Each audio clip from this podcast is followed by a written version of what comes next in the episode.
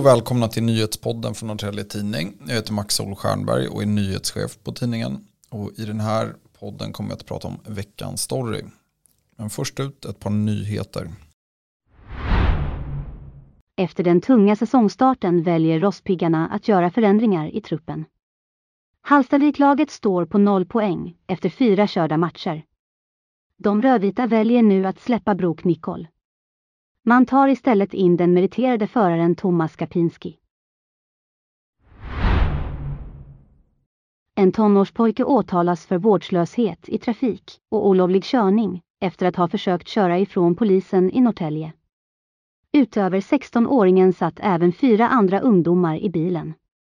En av dem berättar att den fruktade för sitt liv under vansinneskörningen.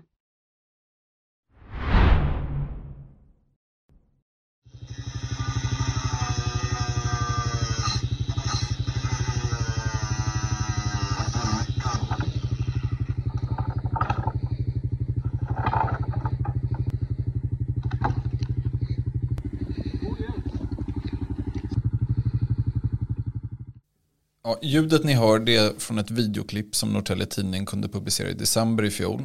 Det är grannar på Löparö som tröttnat på de avspärrade vägarna på ön och tar lagen i egna händer. De sågar helt enkelt bort låsen till den bom som ställts upp.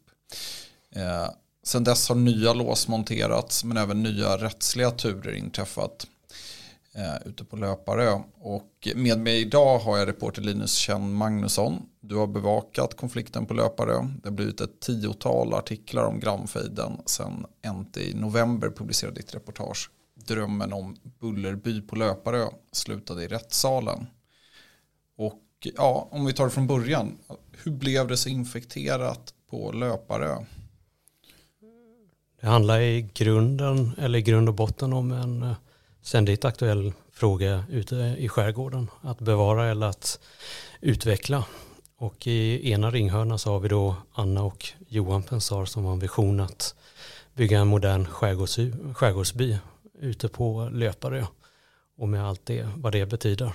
Det handlar om villor, vägar och en broförbindelse mellan Löparö och fastlandet. Och sen i den andra ringhörnan har vi då de andra Löparöborna som vill bevara den här idyllen, den här lite saltkråka atmosfären. Mm. Och eh, vad vi ska komma ihåg är väl att många av de som vistas där ute eller bor där ute har i princip växt, växt upp ute på ön. Man kanske man har föräldrar som har haft sommarstuga där från början. Man har spenderat sina somrar där ute och då fått ärva de här husen. Så att det här går ju då från ena generationen till den andra generationen och när Anna och Johan Pensar kommer ut dit med sina visioner så går det lite i stick i stäv med hur man ser på Löparö. Men eh, de här visionerna då, det har ju hänt en del sedan de presenterades och nu är vi liksom i ett läge där ja, boende sågar i tu, eh, ja, lås till exempel och det har ju också eh, ställts upp bommar då på eh, en av vägarna där i där på ön. Eh, ja, hur, hur hamnar man där? Det handlar ju om den här eh, vägen till exempel som eh, man 2015 eh, bildade en gemensamhetsanläggning för. Eh, och då förpliktade man sig också att betala en eh, markintrångsavgift till Johan och Anna Pensar på 4 250 kronor. Eh, men det här gör man inte av någon anledning. Och det leder då till att den här gemensamhetsanläggningen GA13 som den kallas för avregistreras. Och då menar Johan och Anna Pensar att det här är deras egen väg och att de har då på, rätten, på sin sida rätt att eh, spärra av vägen. Eh, saken är den att eh, den här avregistreringen vinner laga kraft först eh, 2021 i november förra året. Och eh, det har som sagt då lett till att Anna och Johan Pensar har spärrat av vägen vid två tillfällen. Man har låst två grindar och eh, efter att det här videoklippet som vi spelar upp där man sågar av låsen till den ena grinden. Det leder ju då till andra åtgärder från Anna och Johan Pensars sida. Det ställs fram, bland annat fram en eh, traktor. Det ska även ha sågats ner träd för en väg och så vidare. Mm. Just det, men det här med nedfällda träd och eh, en traktor som stått i vägen, det är ju något som Johan Pensar nekat till att ligga bakom. Eller hur? Ja, det stämmer. När vi har haft kontakt med Johan Pensar så hävdar han att eh, han inte har fällt de här träden och eh, han hävdar också att han inte har flyttat på den här traktorn utan han påstår då att det är två andra löpare, Bo, som har tjuvkopplat traktorn och eh, flyttat den några meter. Men när vi har varit i kontakt med de här två löparöborna så förnekar de att de överhuvudtaget har rört traktorn. Skärgårdsstiftelsen söker nu en ny arrendator till Lidögård. För den rätte spekulanten innebär arrend... Hej, Ulf Kristersson här. På många sätt är det en mörk tid vi lever i. Men nu tar vi ett stort steg för att göra Sverige till en tryggare och säkrare plats. Sverige är nu medlem i Nato. En för alla, alla för en. Vi är specialister på det vi gör, precis som du. Därför försäkrar vi på Swedea bara småföretag, som ditt. För oss är små företag alltid större än stora och vår företagsförsäkring anpassar sig helt efter firmans förutsättningar. Gå in på swedea.se företag och jämför själv. Ett bostad och jordbruk med 12 hektar åker och betesmark. I paketet ingår ladugård, loge, båthus och sjöbod. Stiftelsen hoppas att en ny arrendator kan vara på plats 2023. Kristdemokraterna har uteslutit Göte vara ur partiet. Partiet anser att han försvårat den lokala partistyrelsens arbete. KD uppger också att han skadat partiets anseende. De pekar ut hans intervjuer med NT som en orsak. Även Göte Varas politiska sekreterare har uteslutits ur partiet.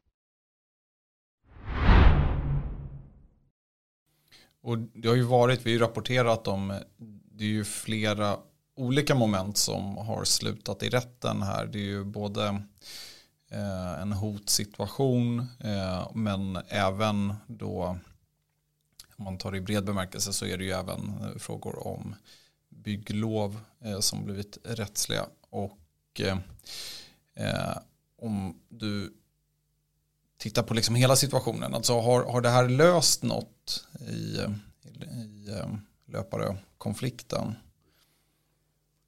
Det korta svaret är att det har inte löst eh, någonting än. De är fortfarande och stampar på ruta ett.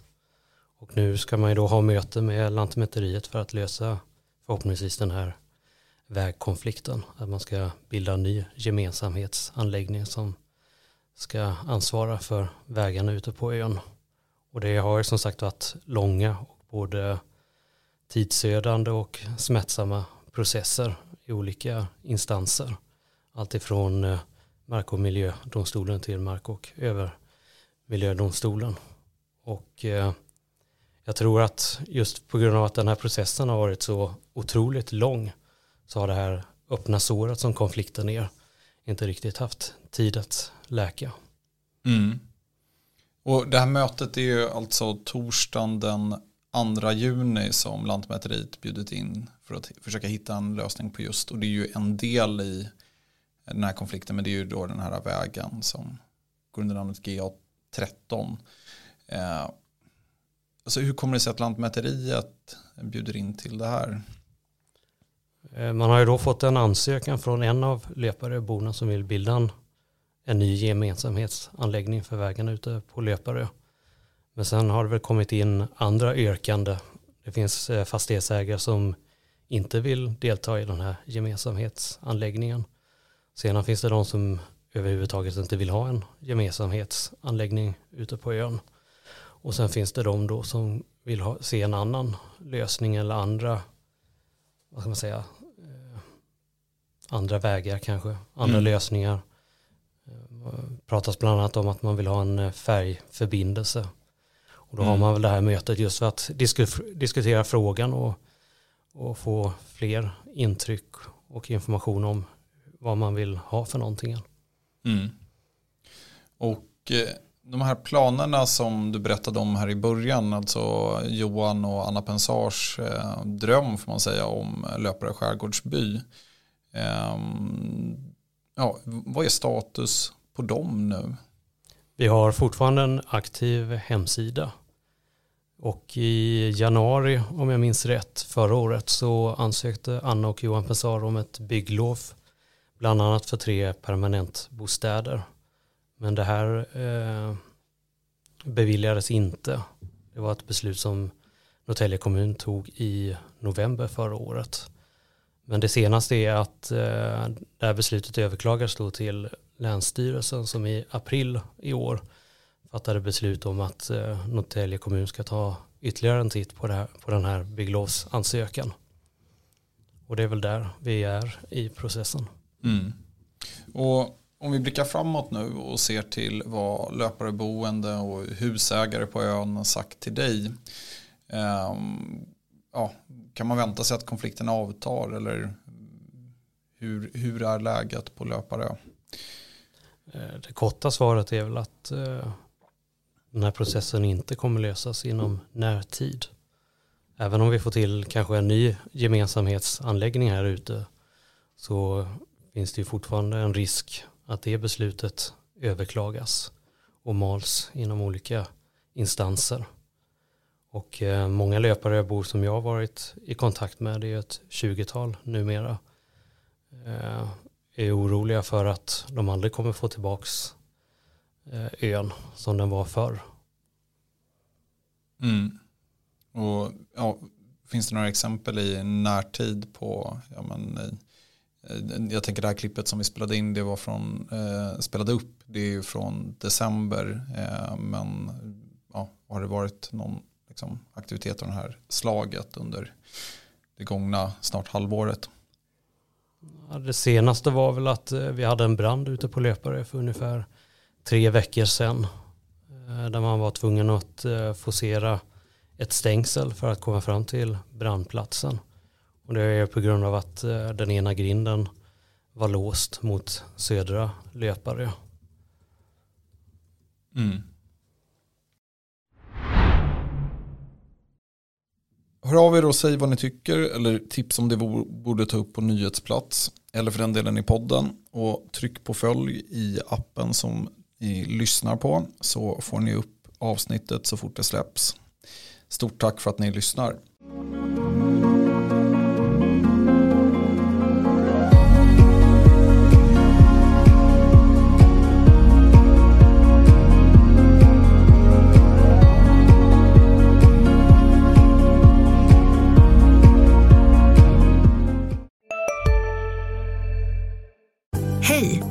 Synoptik här. Hos oss får du hjälp med att ta hand om din ögonhälsa.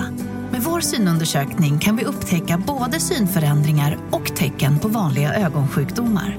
Boka tid på synoptik.se.